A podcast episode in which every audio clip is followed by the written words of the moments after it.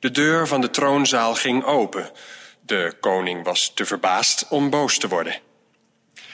Ik zag niemand bij de poort, dus ik dacht ik ga maar naar binnen. Welkom bij de podcastserie Verhalen voor de Advent. Het is een donkere tijd, maar gelukkig is het Advent. Laten we deze vier weken voor de kerst nou eens gebruiken om elkaar verhalen te vertellen. Voor jong en oud. Of ontroerende of grappige, maar in ieder geval lichtgevende verhalen. Net wat we nodig hebben. Een verhaal van Lev Tolstoy. De koning en de herder. Er was een koning in een ver land die tegen het einde van zijn leven treurig werd.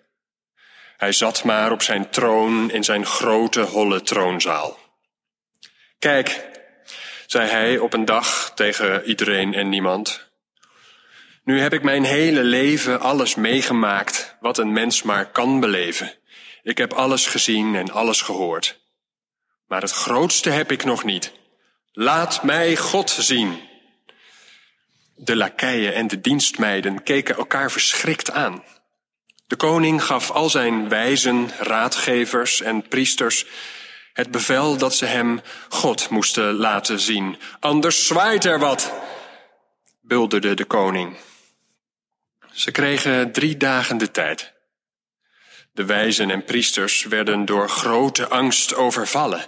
Ze dachten allemaal dat hun laatste uur geslagen had. Na drie dagen liet de koning zijn raadgevers komen. Het was rond het middaguur en de zon stond hoog aan de hemel. Zo, laat mij God zien. Een oude minister stapte bevend naar voren. Welnu, sire, begon hij, maar hij had geen idee wat hij moest gaan zeggen.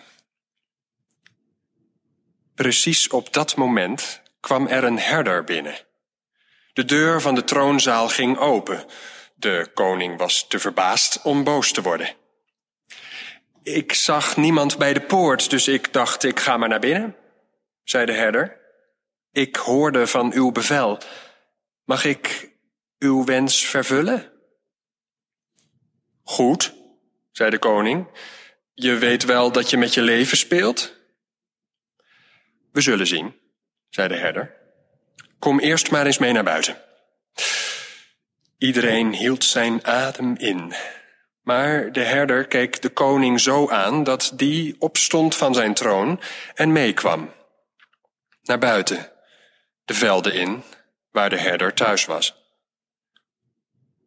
De herder wees naar de zon. Kijk er eens in, de koning keek omhoog, maar het zonlicht verblindde hem. Hij sloot onmiddellijk zijn ogen en boog zijn hoofd. Wil je soms dat ik blind word?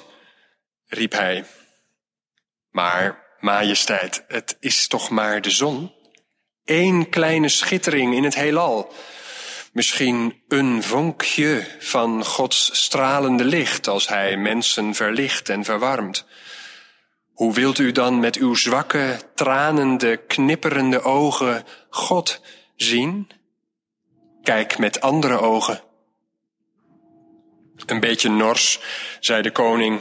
Hm, ik zie dat je een wijs man bent, herder. Maar nu ook antwoord op mijn volgende vraag. Wat was er voor God? De herder dacht even na en zei toen, begin eens te tellen.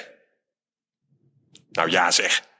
Eén, twee, drie, begon de koning. Nee, neem me niet kwalijk. Begin met wat daarvoor komt. Daarvoor is nul, dat is niks, zei de koning. Ik zie dat u een wijs man bent, koning, zei de herder. Zo is God ook. Begin. Daarvoor komt niets. De koning knikte koninklijk. Hij zei, ik zal je rijke geschenken geven. Maar eerst moet je me nog op één vraag antwoorden. Wat doet God? Dank u vriendelijk, zei de herder. Ik hoef geen geschenken. Ik zal even goed uw vraag beantwoorden. Maar laten we eerst onze kleren verwisselen en dan laat u mij op uw troon zitten. Zeg, brutale aap, wilde de koning zeggen, maar hij zei het niet. Aarzelend legde de koning zijn mantel af, deed de kroon van zijn hoofd en gaf die aan de herder. Zelf trok hij de kapotte, vuile herdersjas aan. Hij deed de herderstas om. De herder trok de koningskleren aan en zo liepen ze terug naar het paleis. De bedienden die het zagen, liepen rood aan. De herder ging op de troon zitten, met de scepter in zijn hand. De herder wees op de koning die daar stond als een herder en zei, zie, zo doet God. Hij stapt van zijn troon en wordt arm. De arme verheft hij. De koning stond daar een hele tijd, zwijgend. De ministers, de wijzen en de priesters durfden niets te zeggen. Plotseling keek de koning in het rond, blij alsof hij uit een droom ontwaakte. Nu zie ik God.